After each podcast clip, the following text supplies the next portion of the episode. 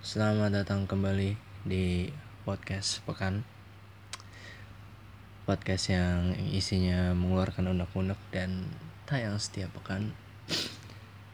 Sekarang di hari apa nih? Senin. Gua rekaman di jam 10 malam. Lebih cepat dari biasanya nih. Biasanya gua kan rekaman di jam 1 jam 2 sebelumnya sorry mungkin suara gue agak sedikit bindeng nanti karena aduh. lagi pilek. Jadi sorry kalau audionya terganggu dengan suara-suara yang tidak mengenakan. Selama seminggu kemarin yang terjadi apa aja? Banyak ya. Um, banjir. Karena hujan ya. Di akhir pekan kemarin di rumah gue tuh hujan gak berhenti berhenti friend. Dari malam dari sekitar jam sebelasan mungkin sampai siang nggak berhenti. Terus akhirnya banjir di beberapa tempat cuman kalau di rumah gue alhamdulillahnya enggak uh, motor suaranya mengganggu.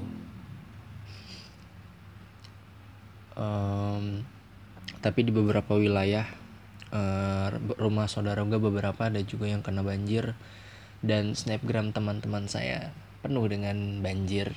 Karena rumah-rumah mereka banyak yang kerendam banjir. Bahkan ada yang sampai sedada. Kemarin gue lihat di snapgramnya ya. Semoga cepat surut lah ya. Karena um, tantangan selanjutnya dari banjir itu membersihkan bekas banjirnya ya. Lumpur. Karena gue pernah ngerasain tuh ya nyerok nyerokin lumpur kayak nggak ada habisnya tuh baunya ke mana-mana. Jadi aduh gimana ya? Ya semoga cepet surut. Tapi kayaknya sekarang sih udah mulai pada surut sih di beberapa titik dari yang gue lihat dari teman-teman gue ya. Udah pada balik ke rumahnya masing-masing. Cuman masih ada juga yang uh, bertahan di tempat pengungsian. Semoga cepat selesai lah ya. Karena ya nggak enak lah tidur di pengungsian. Ngomong ngapa-ngapain juga nggak enak. Terus uh, yang terjadi adalah kemarin masalah artis ya yang perselingkuhan sih yang banyak nge-tweet dari dia kita belajar dan ternyata penampilan tidak menentukan akhlak sih lu baru tahu dari sekarang dari dulu juga harusnya lu udah paham bahwa penampilan itu tidak men tidak menentukan akhlak orang. Jadi dan biarkan saja semua masalahnya bergulir tanpa harus dibesar-besarkan gue rasa untuk siapa pun yang lagi rame saat ini. Karena apalagi dengan lu ngomong dari mereka kita belajar dari si ini kita belajar ngapain lu belajar dari mereka itu adalah permasalahan yang sering terjadi di kehidupan sehari-hari gak sih? Kayak perselingkuhan tuh dalam hidup lu ada berapa kali sih orang-orang yang mengalami perselingkuhan diselingkuhin nyelingkuhin? Apa lu harus belajar dari seleb daripada sama teman-teman atau lingkungan lu gitu. Jadi biarin aja lah. Biarkan semua masalah mereka selesai kalau emang mau diselesaikan. Jangan terlalu dibahas rame-rame lah ngapain juga? Nggak ada ngaruhnya juga dalam hidup lo kan? Kalau gue sih gitu. Tapi di podcast kali ini gue agak mau sedikit berbeda. Sedikit ada isinya mungkin. Jadi selama kemarin-kemarin kan gue cuma ngomongin keluh kesah gue keresahan gue apa pun yang pengen gue omongin. Sekarang gue pengen sedikit ada ada maknanya cie apa sih? Jadi di podcast ini gue akan membahas stereotip. Mungkin nama segmennya nanti namanya bahas stereotip aja kali ya. Karena gue males mikirin namanya. Jadi bahas stereotip aja.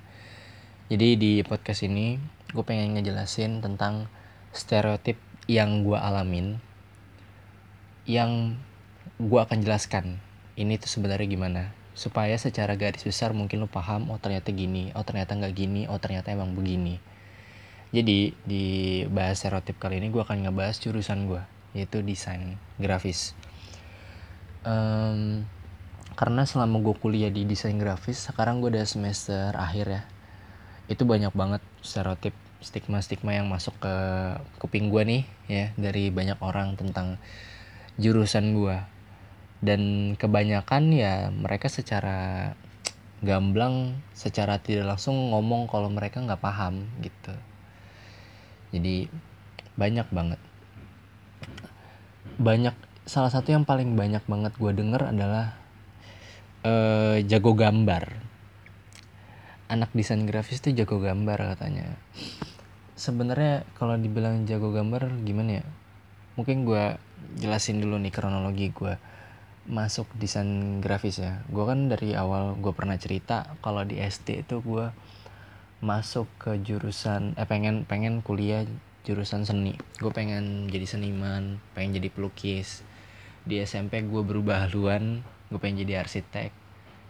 Terus akhirnya di akhir-akhir gue kuliah eh akhir gue kuliah akhir-akhir gue sekolah itu gue dapet pencerahan sih pencerahan.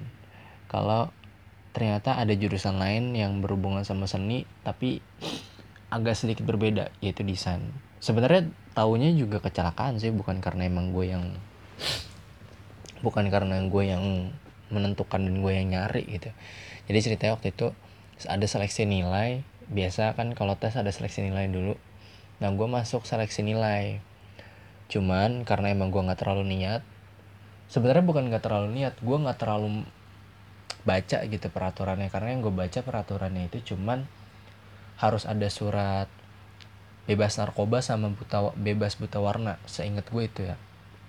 Uh, dan setelah pengumpulan transkrip nilai dan semua semua itu tutup gue baru sadar kalau di jurusan desain grafis yang gue apply ini harus menyertakan portofolio. Nah gue nggak nyertain tuh yang gue pikir oh ya udahlah gitu. Pasti nggak dapat dan ternyata emang nggak dapat dan setelah kelar SBM gue diajak langsung langsung sama teman gue ikut seleksi tesnya. Jadi yang tadi seleksi nilai dari desain grafis ternyata dia buka tes mandiri. Bukan mandiri sih itu seleksi tes yang kayak SBM gitu. Nah akhirnya gue ikut di situ. Dan ya udah gue di situ cuman milih satu doang. Terus gue tes gue tes pertama tes biasa tes ngisi soal segala macem gue lolos. Terus habis itu masuk ke tes kekhususan waktu itu gambar suasana.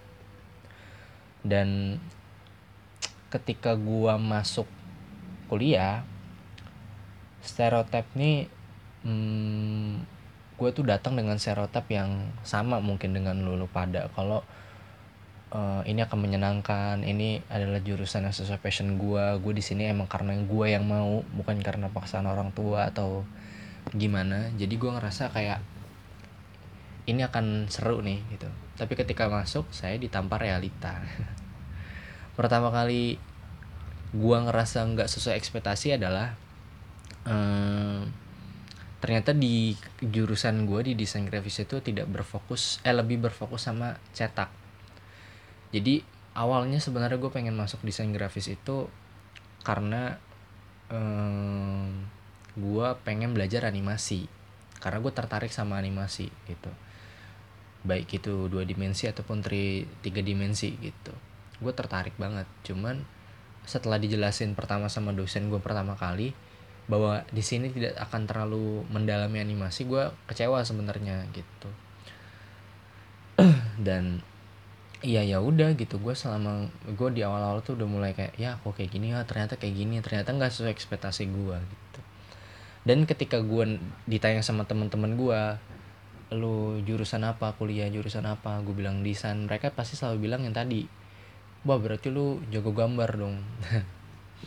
Ini sebenarnya pertanyaan yang klise sih menurut gue apa sih? Gimana ya? Maksudnya ini pertanyaan pasti akan ditanya sama orang awam ketika ketemu sama orang yang desain grafis kebanyakan ya.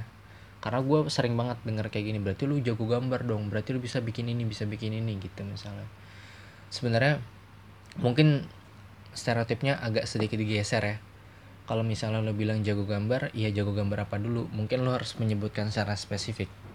Nah kalau misalnya lo udah menyebutkan mungkin bisa lebih kayak gue bisa bilang iya atau enggak gitu. Kayak misalnya oh berarti lu jago gambar realis gue nggak jago gitu terus berarti lu jago gambar apa? Jago gambar pakai apa? Pakai pakai cat mungkin. Iya gue lumayan gitu. Tapi kalau lu cuma ngomong jago gambar ya jago gambar apa dulu? Atau bahkan ada yang nanya berarti lu bisa gambar ya? Kayak semua orang bisa gambar gitu. Gak harus anak desain gitu. Maksudnya kalau dibilang bisa gambar lu pun yang nanya bisa gambar pasti. Walaupun mungkin sekedar cuman dua gunung tengahnya matahari ada burungnya pakai huruf M terus ada dibikin sawah di sebelah kanan dan kiri terus jalannya di tengah-tengah bentuknya makin gede ke bawah. Ya itu bisa gambar dong gitu. Gua pun dulu zaman SD masih suka gambar kayak gitu berarti kan itu bisa gambar. Dan sebenarnya kalau untuk masuk desain itu nggak harus jago gambar sebenarnya. Ini ini adalah clue-nya sebenarnya. Lu nggak harus jago gambar tapi intinya lu bisa memvisualkan ide lu supaya orang bisa nangkep. Intinya itu.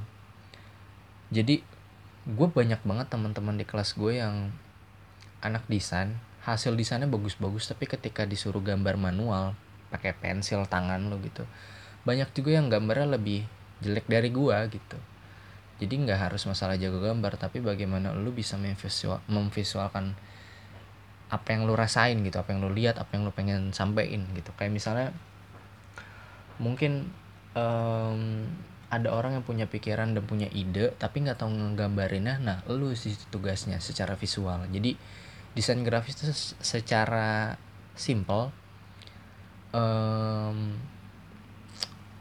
memperma uh, menyelesaikan masalah lu dengan visual. Itu desain grafis. Dan banyak juga yang nanya kalau gue ngomong desain grafis terus mereka nanya DKV jawabannya bukan ya. Karena desain grafis itu beda sebenarnya sama DKV sebenarnya bedanya beda tipis doang nggak yang beda jomplang.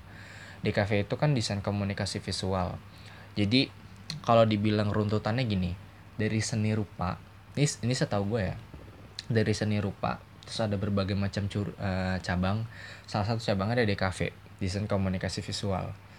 Nah di desain komunikasi visual ada cabang lagi namanya desain grafis. Jadi desain grafis adalah lu, ruang lingkup yang lebih kecil daripada DKV karena kalau di desain grafis itu lebih ke um, permainan grafis dua dimensi biasanya. Jadi nggak terlalu tentang 3D nggak terlalu membahas tentang animasi makanya. Jadi mereka biasa lebih basisnya dua dimensi basis cetak. Jadi lebih ke situ gitu. Jadi kalau misalnya dibilang DKV sama desain grafis sama atau tidak mungkin bisa dibilang serupa tapi tidak sama gitu. E, ibaratnya mungkin kita ini lebih spesifik untuk mempelajari apa ketimbang DKV gitu. Jadi beda ya. Nih stereotip yang sering banget gue terima sama dari orang-orang. Bahwa ya yang kayak gini terus apa lagi? Stereotip yang paling sering gue dapet adalah masalah kuliah yang sesuai dengan passion itu menyenangkan. Kenyataannya enggak juga. Kayak yang pernah gue jelasin di podcast gue yang tentang quarter life crisis ya bahwa gue sempat ngalamin struggling struggle apa pun bahasanya yang lumayan ngeganggu gue bahkan gue sempat mau cuti di podcast itu gue sempat ngomong karena memang gini memang gue akuin gue masuk jurusan ini bener-bener passion gue bener-bener emang keinginan gue nggak ada paksaan dari siapa pun. Dan emang bener-bener pure um, optimisme gue gitu. Tapi ketika gue masuk ternyata yang pernah gue yang kayak gue diceritain juga ternyata di situ nggak sesuai ekspektasi gue mungkin yang lu pikirin wah lu berarti di satu kelas di mana semua orang bisa gambar jauh gambar berarti saling support. Enggak juga gitu. Ada masanya di mana um, ya lu akan ngerasa kerdil. Gimana sih kayak untuk lu mungkin ya yang entah lu kerja atau kuliah di di tempat di mana emang lu passionate sama hal itu lu bener-bener pengen di situ pasti akan ada masanya di mana lu ngerasa ternyata gue nggak tahu apa-apa. Nah itu gue di situ tuh jadi kalau dibilang menyenangkan sebenarnya nggak terlalu menyenangkan juga gitu. Jadi uh, bisa dibilang nggak nggak terlalu menyenangkan juga karena gue sempat sempat ngalamin permasalahan ini gitu.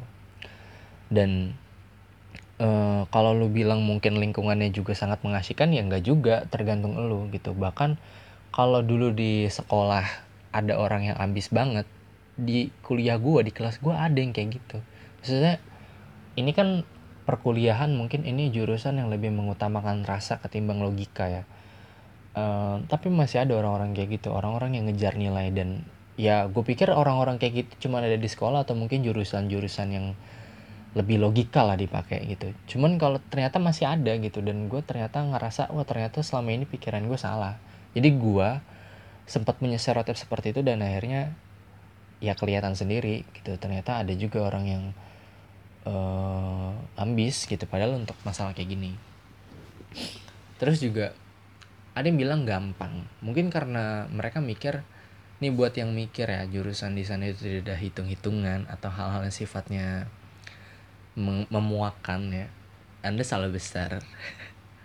Karena gua di terutama di semester 1 dan semester 2 di mana dua satu tingkat pertama itu adalah tingkat pengenalan. Itu banyak hal yang harus gue pelajarin.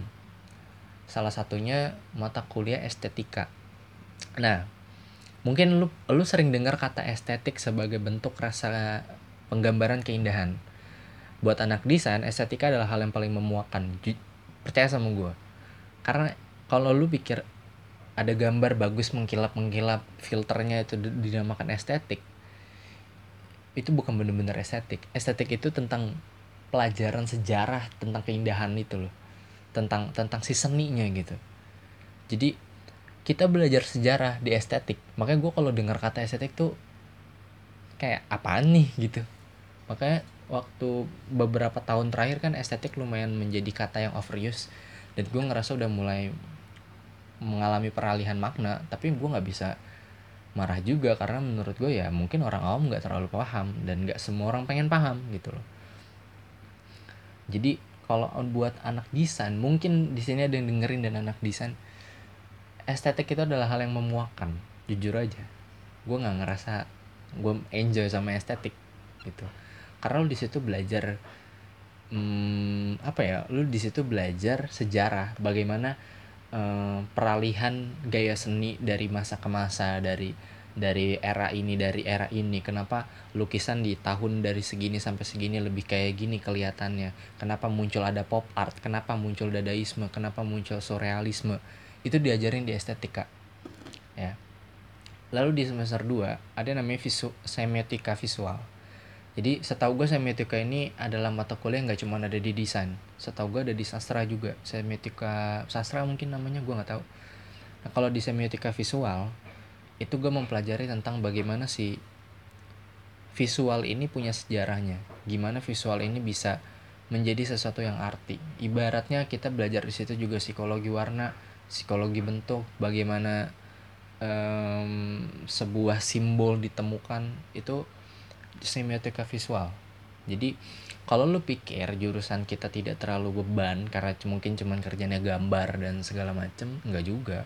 Di awal kita belajar sejarah bahkan ada mata kuliah matematika pada saat itu. Dan matematika eh, apa namanya matematika di situ ada di di semester 3 atau 4 gue lupa. Buat anak buat lu yang mikir kalau kita juga nggak ada hitungan ada juga um, setidaknya di jurusan desain pasti akan ada namanya kalkulasi desain di mana di mata kuliah tersebut um, mengajarkan tentang bagaimana lo menentukan harga yang akan lo kasih sama klien lo gitu. Jadi semua yang diperhitungkan sama seorang desainer grafis dari harga itu pasti sudah masuk perhitungan. Karena ada mata kuliahnya sendiri itu gue belajar satu semester. Jadi kalau lo pikir mudah tidak juga kawan gitu.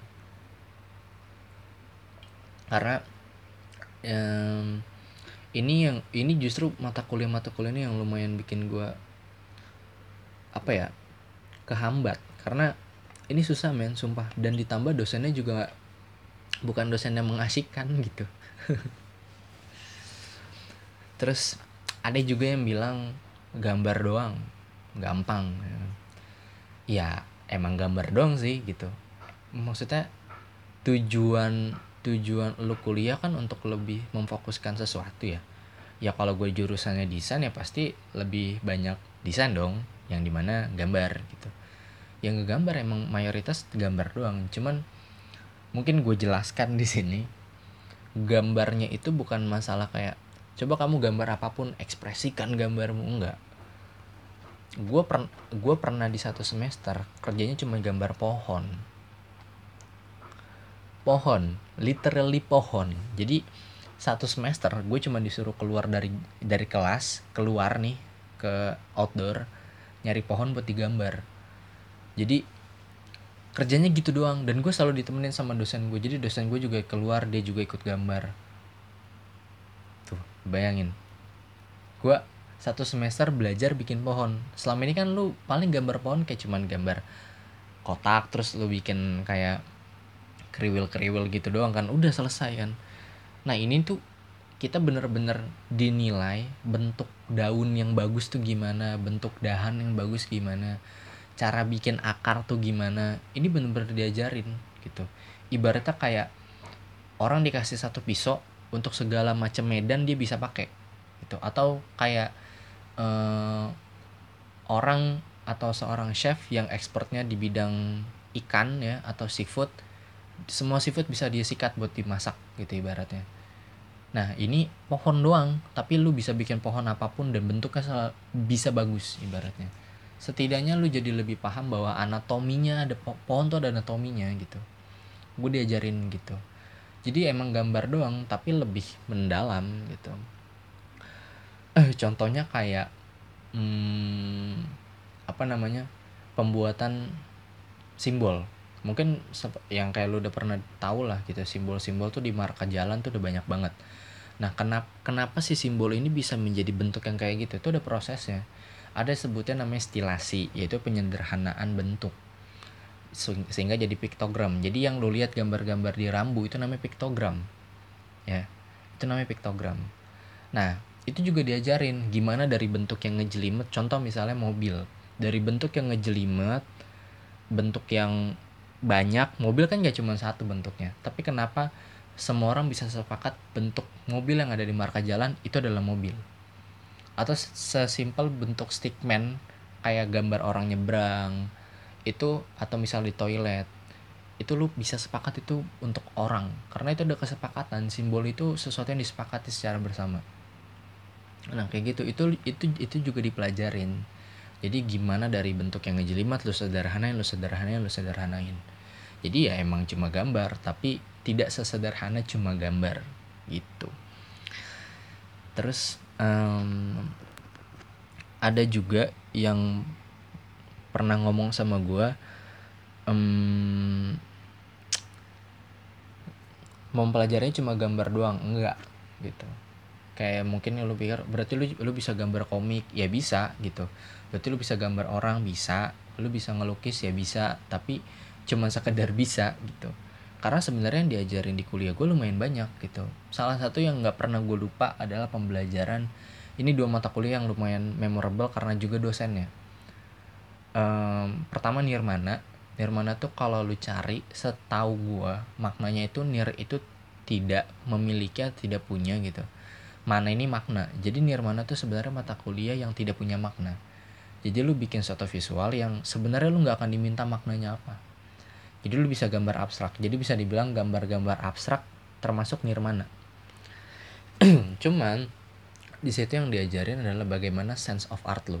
Sense of color sense of balancing sense of uh, layouting gimana lu bisa menempatkan warna secara harmonis walaupun cuma bentuk-bentuk abstrak gimana lu bisa menempat, menempatkan bangun ruang secara balance dan dinamis. Baik itu simetris maupun asimetris tapi tetap balance. Gitu. Jadi diajarin di situ sensenya. Masalah rasa. Bukan masalah teori. Gue nggak pernah belajar teori di Nirmana. Tapi gue selalu belajar learningnya gitu. Nah untuk tipografi ada lagi yang kedua tipografi. Itu lo belajar tentang pembuatan huruf. Jadi lo belajar tentang bikin huruf. Sebelum bela- belajar bikin huruf lu juga belajar anatomi huruf. Jadi hu- huruf tuh ada ada anatominya. Setiap huruf bahkan. Bukan cum, bukan kalau manusia kan setiap manusia punya bentuk anatomi yang mayoritas sama dong. Kalau di huruf itu ada bentuk-bentuk yang berbeda-beda gitu. Jadi kita belajar anato- anatomi huruf dulu setelah lu paham anatomi huruf tuh kayak gimana baru lu mulai bikin font bikin huruf jadi lu styling dan segala macam jadi gue sampai di tahap bikin uh, font sendiri gitu. Dan itu susah gitu. Jadi font-font yang lu lihat entah itu di micro, di Microsoft Word atau mungkin di software desain yang lu pakai kayak mungkin Canva atau di uh, Microsoft PowerPoint atau mungkin di PixArt atau bukan mungkin di Instagram itu pertamanya dibuat manual setelah itu di, di digitalisasi baru jadi font gitu. Jadi prosesnya panjang sebenarnya gitu. Jadi lu mempelajari itu juga. Jadi kalau misalnya dibilang gambar doang ya nggak juga sebenarnya gitu. Terus ada yang juga ada juga yang bilang waktu itu gue sempat dibilang ini sama temen gue uh, ya lah ngegambar doang ya kan. Uh, lu juga pasti seneng lah ngerjainnya gitu. Kayak lu kayak gimana sih? Mungkin orang mikir gue kan hobinya gambar.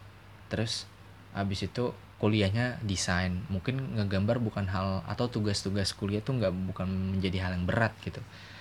Justru mungkin berat dibilang berat nggak terlalu. Cuma jadi bosen dan bosen ini memunculkan berat. Yang gue pernah bilang di podcast gue sebelumnya sesuatu yang lo suka yang lo suka banget bahkan ketika dilakukan secara repetitif berulang-ulang itu pasti bakal bosen. Ya sama kita juga punya rasa bosen. Jangan lu pikir karena kita emang hobi gambar terus jadi kayak wah kita passionate setiap ngerjain tugas. Enggak juga gitu. Kita juga ada titik bosannya gitu. Dan ya kayak kemarin gue bilang ketika kita berada di titik bosan kalau lu bisa ngerjain hobi lah gue ngapain ya kan? Hobi gue gambar tapi gambar gue udah bikin muak gitu ibaratnya. Jadi yang nggak nggak juga. Nggak bukan semata-mata karena gue suka gambar terus jadi menyenangkan nggak juga nggak gitu. Nggak gitu konsepnya gitu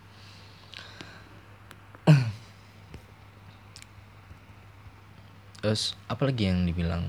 Hmm, ada juga yang bilang jurusan desain grafis mungkin jurusan yang keren. Ya menurut gue relatif ya kalau masalah keren. Menurut gue semua jurusan keren.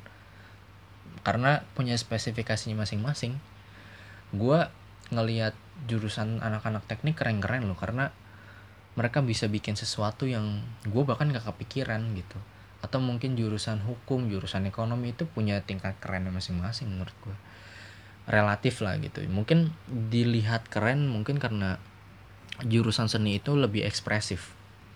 Ya gak sih? Lu ngelihatnya kayak kita bebas berpakaian kita bebas punya gaya style punya style apa pun.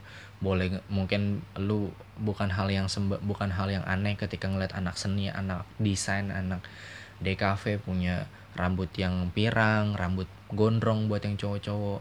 Pakai celana sobek-sobek pakai jaket yang dilukis sendiri gitu.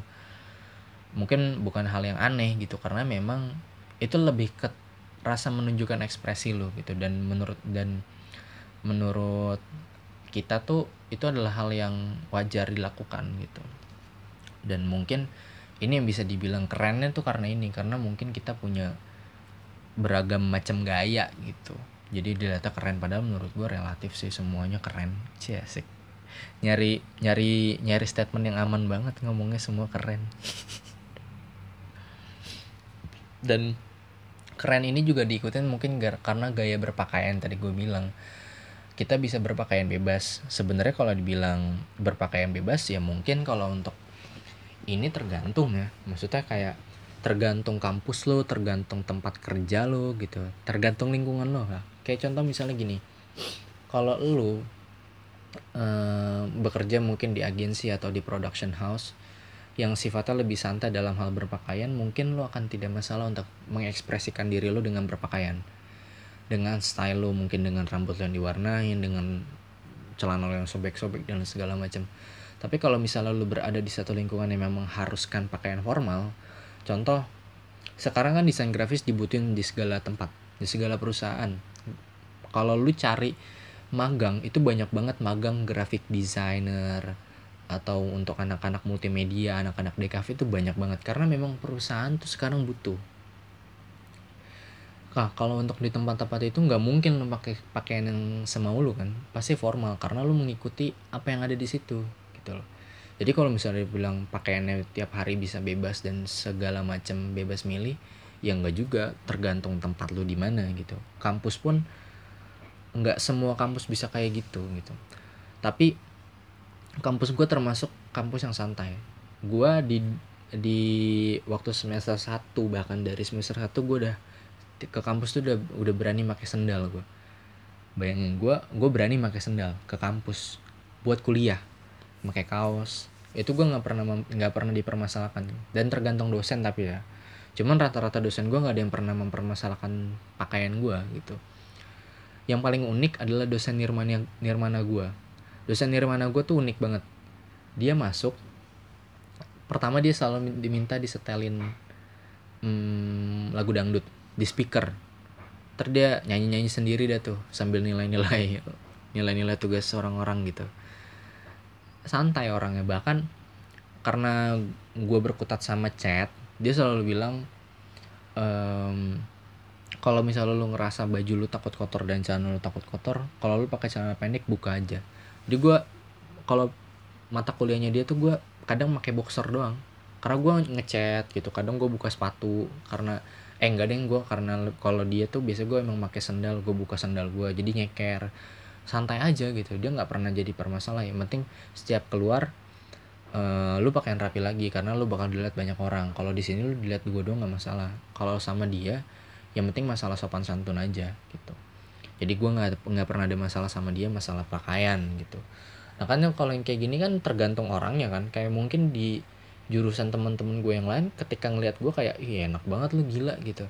Ya menurut gue itu bukan suatu hal yang menyenangkan karena udah biasa gitu menurut gue tapi mungkin menurut itu sesuatu hal yang keren.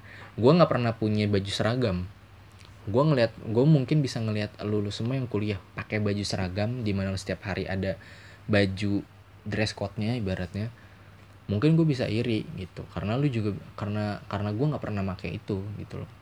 Gue nggak pernah punya pakai nggak pernah ada seragam di kelas gue gitu. Jadi ya beda-beda gitu. Masalah fashion ini menurut gue tergantung gitu terus juga ada yang bilang karena hmm, karena kita punya pak punya gaya berpakaian yang bebas terus juga bisa ngikut ke jam kerja yang bebas. Sebenarnya balik lagi ini tergantung tempat lu gitu. Kayak gue misalnya contoh setiap gue kuliah aja ya gak usah jauh-jauh. Setiap gue kuliah ada dosen yang emang bisa bisa di lobby lobby untuk telat ada yang enggak gitu. Ada yang emang gampang banget untuk kita datang telat santai aja dia gitu. Terutama dosen-dosen yang lebih ke memang dia lulusan seni sih karena memang dia juga suka ngaret gitu.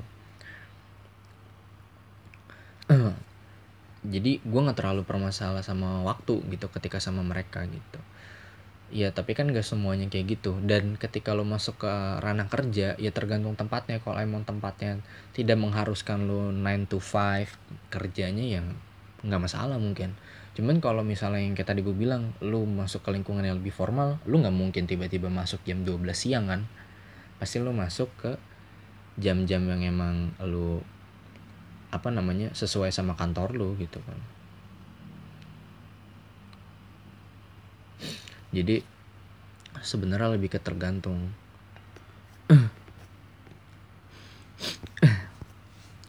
Terus um, apalagi yang sering banget gue terima tuh ini juga begadang.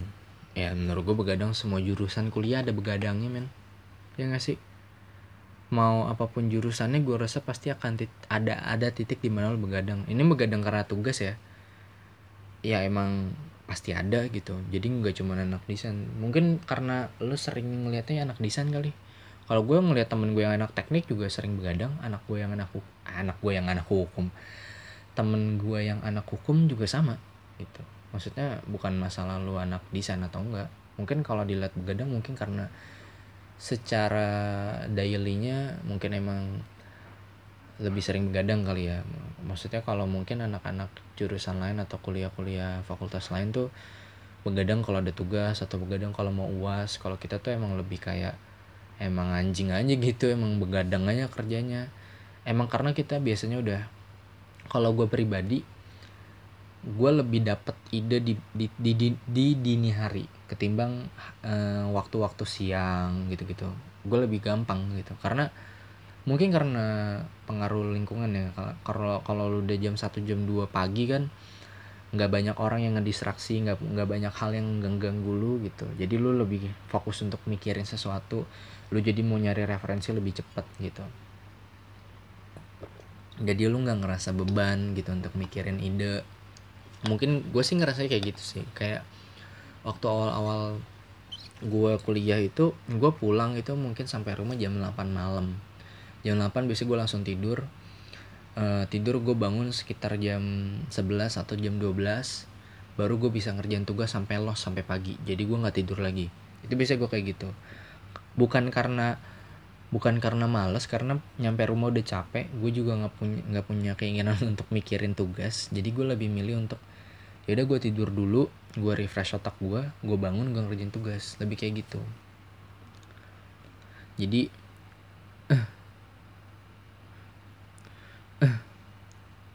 jadi lebih apa ya lebih lebih enak gitu kalau ngerjainnya di pagi hari di, di dini hari gitu jadi mungkin kelihatannya lebih banyak begadang karena itu karena apalagi kalau udah mepet waktunya gitu lebih enak kayak gitu. Sumpah dah kalau buat gue ya mungkin nggak tahu kalau yang lain. Jadi uh, begadang tuh tergantung gitu. Di jurusan lain ada mungkin karena kita lebih ini aja. Terus juga ada yang pernah bilang gue nggak ada PR sebenarnya kalau dibilang nggak ada PR ya juga sih karena gini uh, kalau di gue di jurusan di di jurusan gue nih uh, lebih tepatnya bukan nggak ada PR tapi lebih ke uh, kita tuh tugasnya sifatnya continue gitu maksudnya berlanjut. Kita tuh nggak yang kayak misalnya dulu zaman zaman sekolah kayak ada tugas MTK kerjain tentang persamaan apa sih gue lupa lagi pelajaran MTK apa aja anjir? Ini integral misalnya. Jadi gue ngasal banget. Saya tentang integral gitu kan. E, kerjain PR halaman segini tentang integral. Minggu depan lu kumpulin tugasnya selesai. Pembahasannya mungkin akan lanjut. Atau mungkin lu udah lu udah beda bab. Nah gua enggak gitu. Jadi misalnya sifatnya udah kayak karena sifatnya project itu itu misalnya di semester 3 sih biasanya. Udah mulai tuh di semester 3 biasanya project sifatnya. Jadi gue dari awal masuk itu udah dikasih tahu uas gue apa. Dan selama dari gue awal masuk sampai uas itu tugasnya untuk menuju uas gitu. Karena nanti di uas pasti ada yang dipamerin atau ada yang dipresentasiin gitu. Jadi bukan karena kita nggak ada PR tapi tugasnya itu lebih karena kita berlanjut gitu. Nggak cuman sekali selesai sekali selesai gitu cuman ada tugas ada juga tugas yang sekali selesai sekali selesai. Cuman kalau gua itu dikumpulinnya di di uas juga. Jadi eh, nirmana nirmana lagi kan? Di Nirmana dosen gue emang terlalu santai sih. Nirmana sama tipografi itu. Uh, jadi gue selalu setiap minggu tuh sebenarnya ada tugas dari dari beliau dari mereka mereka nih dari dosen-dosen gue selalu ada tugas. Dan tugasnya setiap minggu tuh beda-beda sebenarnya. Kalau kayak Nirmana nanti minggu ini ada warna panas ada warna dingin terus nanti ada yang lain-lain lagi. Terus kalau misalnya mungkin kalau buat di tipografi ada jenis-jenis font. Itu kalau lu misalnya di minggu ini dikasih minggu depan lu nggak ngumpulin it's okay. Mereka pun nggak akan marah. Mungkin kalau lu di sekolah kan kayak siapa yang nggak ngumpulin PR maju. Misalnya gitu kan mungkin ya dimarin gue nggak kalau emang gue nggak ngumpulin tapi tanggung jawabnya ketika uas gue harus ngumpulin semua. Gue pernah di satu semester gue ngumpulin tugas dari awal semester sampai mau uas itu di uas. Jadi gue bawa banyak dan langsung dinilai sama dosen gue gitu. Jadi sebenarnya bukan karena nggak ada PR tapi lebih ke tugasnya lebih ke project gitu. Dan mungkin lebih jadi nggak kelihatan gitu. Karena gue misalnya kayak di kampus aja tuh eh, sering banget jurusan-jurusan lain baik mahasiswa bahkan sampai dosen-dosennya tuh iri sama jurusan gue karena setiap uas jurusan gue tuh selalu selesai. Maksudnya nggak ada proses tes nggak ada proses belajar nggak ada proses pengawasan. Ya pokoknya setiap uas itu cuma ngumpulin karya. Itu paling paling cepat itu cuma ngumpulin karya. Yang paling ribet mungkin gue harus presentasi yang tengah-tengah mungkin pameran. Kalau pameran mungkin sulitnya untuk dinyiapin properti pamerannya gitu kan. Makanya sering banget tuh dari jurusan-jurusan lain gue suka denger kayak hmm, dibilang nggak fair gitu. Padahal kita emang tugasnya dari awal gitu. Maksudnya dari elu yang cuman ibaratnya ya kesan kasar gini lu masih belajar tentang materinya kita udah ngejalanin gitu loh. Jadi kita benar-benar apa ya mulai dari awal masuk gitu terutama itu di semester 3 itu di semester 3 udah mulai project sifatnya. Dan apa ya kalau buat jurusan gue buat gue sendiri uas tuh bukan sesuatu yang deg-degan. Justru uas tuh sesuatu yang udah lega. Kalau udah mau uas ya berarti kita udah mau selesai gitu. Kalau mungkin kayak jurusan lain mungkin kayak gue harus belajar dan segala macem gitu. Dan ini juga ngaruh. Banyak juga yang bilang kalau jur jurusan desain tidak akan pernah belajar. Ini sebenarnya nggak benar juga sih karena uh, terutama di semester 1 semester 2 gue masih belajar. Karena yang tadi gue bilang ada ada mata kuliah yang memang bukan mata kuliah yang murni harus gambar doang gitu kayak sejarah tadi yang gue sebutin ada estetika ada semiotika ada mata kuliah mata kuliah wajib yang memang harus ada di mana pun kayak bahasa Indonesia bahasa Inggris uh, matematika gitu. Um, itu harus ada gitu. Dan ya kita belajar di situ. Mungkin kalau untuk yang di, udah masuk ke semester 3 udah di tingkat 2 tuh bukan karena kita nggak belajar tapi karena memang kita mempelajari prosesnya dari awal. Jadi um, ketika kita presentasi itu adalah sesuatu yang udah kita kerjain selama prosesnya gitu. Maksudnya uh, kan ada proses nih dari awal masuk sampai nanti uas. Nah itu kan ada proses pembuatannya. Ada ada perjalanannya. Nah kita ceritainnya di situ. Karena di uas kita tuh yang dipertanyakan bukan masalah satu tambah satu tapi kenapa satu tambah satu ini bisa jadi dua? Ibaratnya gitu loh itu perjalanannya gitu. Kenapa bisa hasil akhirnya dua nih? Nah kita ceritain. Nah kita ceritainnya ya dari pengalaman kita dari experience selama awal dari masuk gitu. Jadi bukan yang nggak belajar gitu. Dan apa ya ibaratnya eh, kita ini memahami progres ya karena udah sering dilakukan gitu. Kita nih udah paham tentang gini-gini ya karena udah udah sering dilakuin gitu. Bahkan sesimpel uh, kita bisa kuliah sambil kerja gitu ibaratnya sambil freelance kayak misalnya gua gitu. Ya karena kita udah paham dunia kerjanya tuh gimana gitu. Dan banyak juga yang bilang jurusan desain tuh enak bisa kuliah sambil kerja. Ya emang karena memang biasanya mereka tuh sudah diajarkan untuk menjual karya gitu. Ibaratnya tidak untuk masalah pekerjaan-pekerjaan yang gak tidak mengharuskan menggunakan ijazah kan kita masih tetap bisa ngerjain gitu terus juga ini ini sering banget nih ditanya sama gue kenapa harga seorang desainer grafis atau karya-karya kalau misalnya gue minta tuh gue takut mahal dan kenapa sih mahal gitu? Sebenarnya kalau misalnya mahal kan sebenarnya relatif ya tergantung elu. Mungkin gini kalau masalah kenapa ada harganya mungkin ya lebih tepatnya itu karena ya kita melalui proses.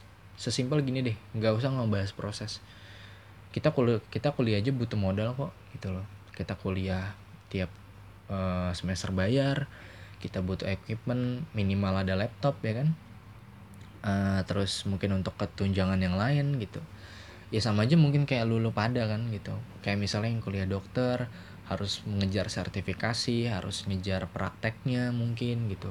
Ya sama kita juga gitu. Jadi ada harganya tuh bukan karena bukan karena emang kita sembrono ngasih harga karena yang tadi gue pernah yang tadi gue bahas juga ada yang namanya mata kuliah kalkulasi desain. Ya di situ kita kalkulasi minimal nih harga berapa yang kita tawarin sama klien dari kita gitu setelah modal yang udah kita keluarin gitu istilahnya. Jadi bukan yang asal kayak eh gue mau bikin ini dong berapa? 5 juta? Ya nggak gitu. Semuanya daripada perhitungannya.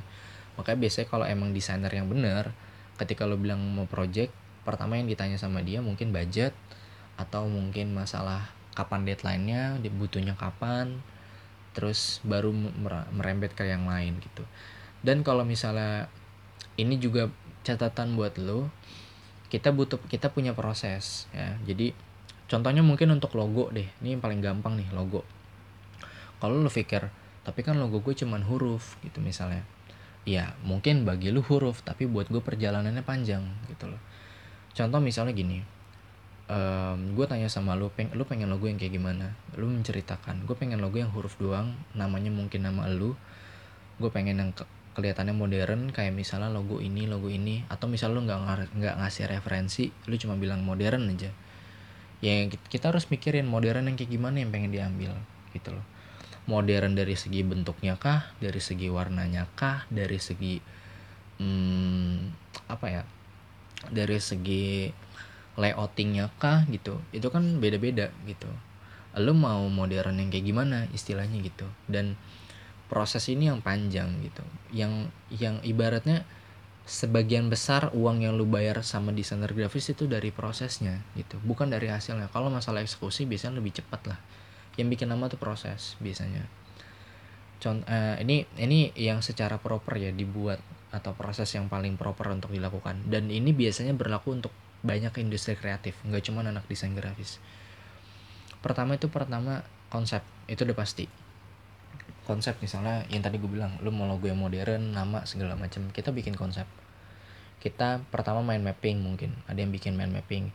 Kayak modernnya mau kayak gimana nah muncul cabang-cabang. Dari cabang itu kita bikin mood board secara visual kita cari visual-visual yang merepresentasikan si keinginan lu dari mind mapping nih ya kan? Kita kita kasih misalnya kalau gue pengen kayak gini gini ini campur ini campur ini campur ini. Kita bikin sketsa. Proses sketsa ini uh, panjang gitu. Biasanya untuk kayak misalnya gue untuk proses sketsa ini gue bisa sampai nge-sketsa hampir 30-an sketsa logo. Dari yang awal sampai selesai. Dan ketika gue kasih ke lu itu biasanya udah udah gue eliminasi. Kayak misalnya udah gue combine antara mungkin desain 1 sama 10 itu gue combine. Sampai akhirnya mungkin naik ke lu cuman sekitar paling banyak 4 4 atau 5 lah paling banyak. Supaya lu nggak bingung gitu. Dan supaya tidak terjadi uh, apa ya nanti akhirnya tujuannya nggak nyampe. Lu kan cuma pengen visual yang modern tapi nanti tiba-tiba lu pengen masukin ini masukin ini masukin ini. Pertama itu jauh dari brief jauh dari konsep. Kedua nanti tidak akan sesuai sama apa yang lu mau. Biasanya gitu. Lu terlalu banyak nyampur nyampurin biasanya gitu. Jadi kita ngasih sesuatu yang emang udah final. Jadi lu tinggal pilih atau lu mau combine combine pun nggak banyak karena secara uh, substansinya nggak akan terlalu jauh beda misalnya gitu itu prosesnya. Baru mulai eksekusi. Eksekusi itu sebenarnya nggak terlalu nggak terlalu panjang dan nggak terlalu lama gitu. Dan nggak terlalu susah biasanya. Tapi yang susah itu masalah penemuan konsep. Apalagi logo itu biasa dipakai secara sustainable secara terus menerus lu nggak mungkin pakai logo cuman sehari dua hari kan gitu. Walaupun mungkin cuma dipakai buat usaha lu cuman buat uh, event pasti dipikirin bagusnya kayak gimana gitu Bahkan untuk seorang logo desainer yang profesional, logo itu harus dipikirin 10 ke tahun ke depan. Contoh yang paling gampang adalah logo Starbucks. Kalau lu perhatikan logo Starbucks dari tahun ke tahun sebenarnya bentuk si Putri Duyung itu makin makin lama makin gede, makin ngezoom. Yang katanya nih dari beberapa forum yang gue tahu, katanya nanti lama-lama cuman jadi warna gitu. Jadi ya pasti nanti akan ada perubahan. Namanya logo tuh logo itu baga bagaimana logo ini ibaratnya sebuah muka. Gimana nih muka yang mudah dikenal gitu? Ibaratnya gitu. Nah itu yang kita pikirin. Gimana nih logo tetap merepresentasikan apa yang lo mau tapi mudah untuk dilihat orang dan diingat orang. Logo yang susah diingat orang juga males untuk lihatnya. Gitu loh. Itu yang kita perhatikan juga. Dan ini mungkin salah satu yang mungkin nggak lu pahamin dan mungkin bahkan lu nggak ngeh. Yang bikin uh, desain grafis juga ada harganya adalah pelindung perlindungan buat lu uh, silakan cari banyak banget masalah-masalah uh, lisensi atau plagiasi yang dilakukan sama orang-orang. Uh, baik itu masalah huruf atau font yang paling banyak kayak kemarin masalah uh, ada susu yang pakai font orang tidak bayar ya dia nyolong dalam tanda kutip itu kena. Uh, terus ada juga kemarin yang gue pernah bahas juga masalah penyanyi yang menggunakan artwork orang lain. Itu juga bermasalah. Hal-hal itu yang juga harus dipikirkan sama seorang desainer grafis untuk melindungi kliennya. Melindungi Uh, ketika lu nanti make nih, lu kan pasti make nggak mungkin dalam waktu sebentar atau setidaknya lu akan mempublish ini. Gimana caranya tetap aman? Nih kita cari gimana ini visual ada yang mirip nggak atau ada yang sama nggak? Ini huruf lisensinya berbayar atau enggak? Ini visual boleh gue pakai apa enggak? Bayar apa enggak? Kalau lu punya budget, oke okay, gue kirimin ke lu, lu tinggal bayar sama orangnya, kita gue pakai. Kalau lu nggak punya budget, oke okay, alternatifnya mungkin gue akan cari sendiri, mungkin gue bikin sendiri, gue cari yang gratis ya kan? itu pilihannya jadi itu juga yang dipikirin masalah perlindungan lo karena bahaya nanti bisa-bisa lo yang dituntut kan udah banyak banget kasusnya apalagi sekarang menurut gue orang mungkin lebih sadar tentang uh, visual dalam dalam proses marketing itu perlu penting. Cuman mereka nggak paham bagaimana menggunakannya dengan benar gitu. Karena di market market-market desain tuh ada yang namanya commercial use, ada yang namanya personal use, ada yang namanya free for commercial use, ada juga yang free to all, ada juga banyak gitu. Jadi lu harus paham tentang penggunaannya gitu. Nggak bisa sembarangan. Itu juga yang dilakukan sama desainer grafis yang benar ya. Itu memahami perlindungan untuk kliennya sendiri.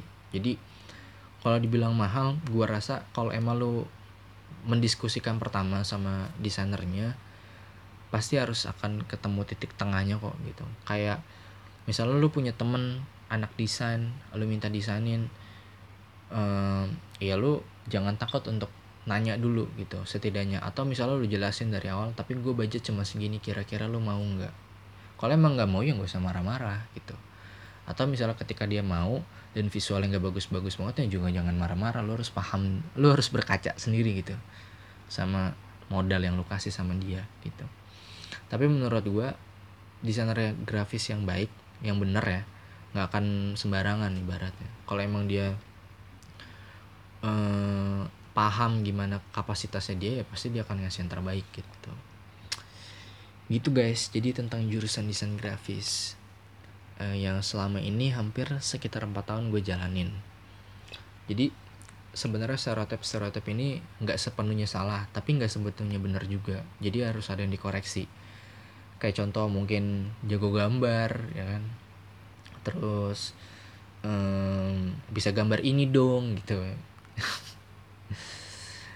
karena gaya seni aja udah banyak ya gitu. Dan belum tentu gaya seni yang lu tunjuk itu bisa gue bikin gitu maksudnya. Jadi jangan berharap sama anak desain grafis tuh bisa gambar segala hal gitu. Jangan taruh ekspektasi tinggi tinggi banget lah gitu. Kalau emang dia nggak bisa ya lu nggak bisa paksakan. Dan gue yakin semua desainer grafis punya limitnya masing-masing gitu. Cuman kalau dia memaksimalkan apa yang dia punya ya di situ rezekinya dapet gitu kan. Jadi ibaratnya uh, cari uangnya tuh dari dari kemampuan lu aja. Jangan nyari ke jangan dari kekurangan lu gitu. Ngapain lu nyari duit dari kekurangan lu? Nggak dapet. Gitu. Jadi semoga terjawab ya Jessic secara garis besarnya desain grafis tuh kayak gimana gitu. Desain grafis tuh rananya seperti apa? Desain grafis itu um, bener nggak sih kayak gini kayak gini? Atau mungkin ada pembahasan yang belum gue bahas di sini ya kan? Sebenarnya banyak gitu. Karena kalau misalnya lu cuman ah berarti lu cuma bikin ini bikin ini ya lebih baik lu ngobrol dulu gitu. Makanya gue pengen punya segmen bahas stereotip ini supaya lu tahu dari perspektif orang sebenarnya gitu. Supaya lu tidak uh, liar dalam memberikan argumen gitu. Bener nggak sih kalau anak desain tuh kayak gini? Bener gak sih gitu? Kayak misalnya bener gak sih anak desain tukang mabok? Ya tergantung gitu. Kalau misalnya biasanya mungkin anak desain suka atau anak-anak kreatif tuh lebih suka mabok atau suka minum-minum kayak gitu mungkin lebih karena masalah kreativitasnya akan lebih bertambah. Kalau karena itu kita nggak pernah tahu alasannya apa kan. Atau cuman mungkin karena biar kelihatan keren aja ya gue juga nggak tahu. Tergantung ininya gitu. Makanya coba ngobrol dan dari berbagai sisi gitu. Karena kalau lu cuma punya stigma lu sendiri lu nggak akan tahu sebenarnya kayak gimana yang terjadi di lapangan kan gitu. Nah, jadi gue mencoba untuk bikin segmen bahas stereotip ini yang pertama kali ya yang gue alamin anak desain grafis gitu. Jadi semoga nanti di ke depannya akan ada orang yang mau ngebahas stereotip tentang dirinya mungkin dari kuliah kerja hobi atau apa pun aktivitas yang dia lakuin supaya pertanyaan-pertanyaan yang sering keluar dari elu nih bisa dijelaskan secara gamblang tuh sebenarnya gimana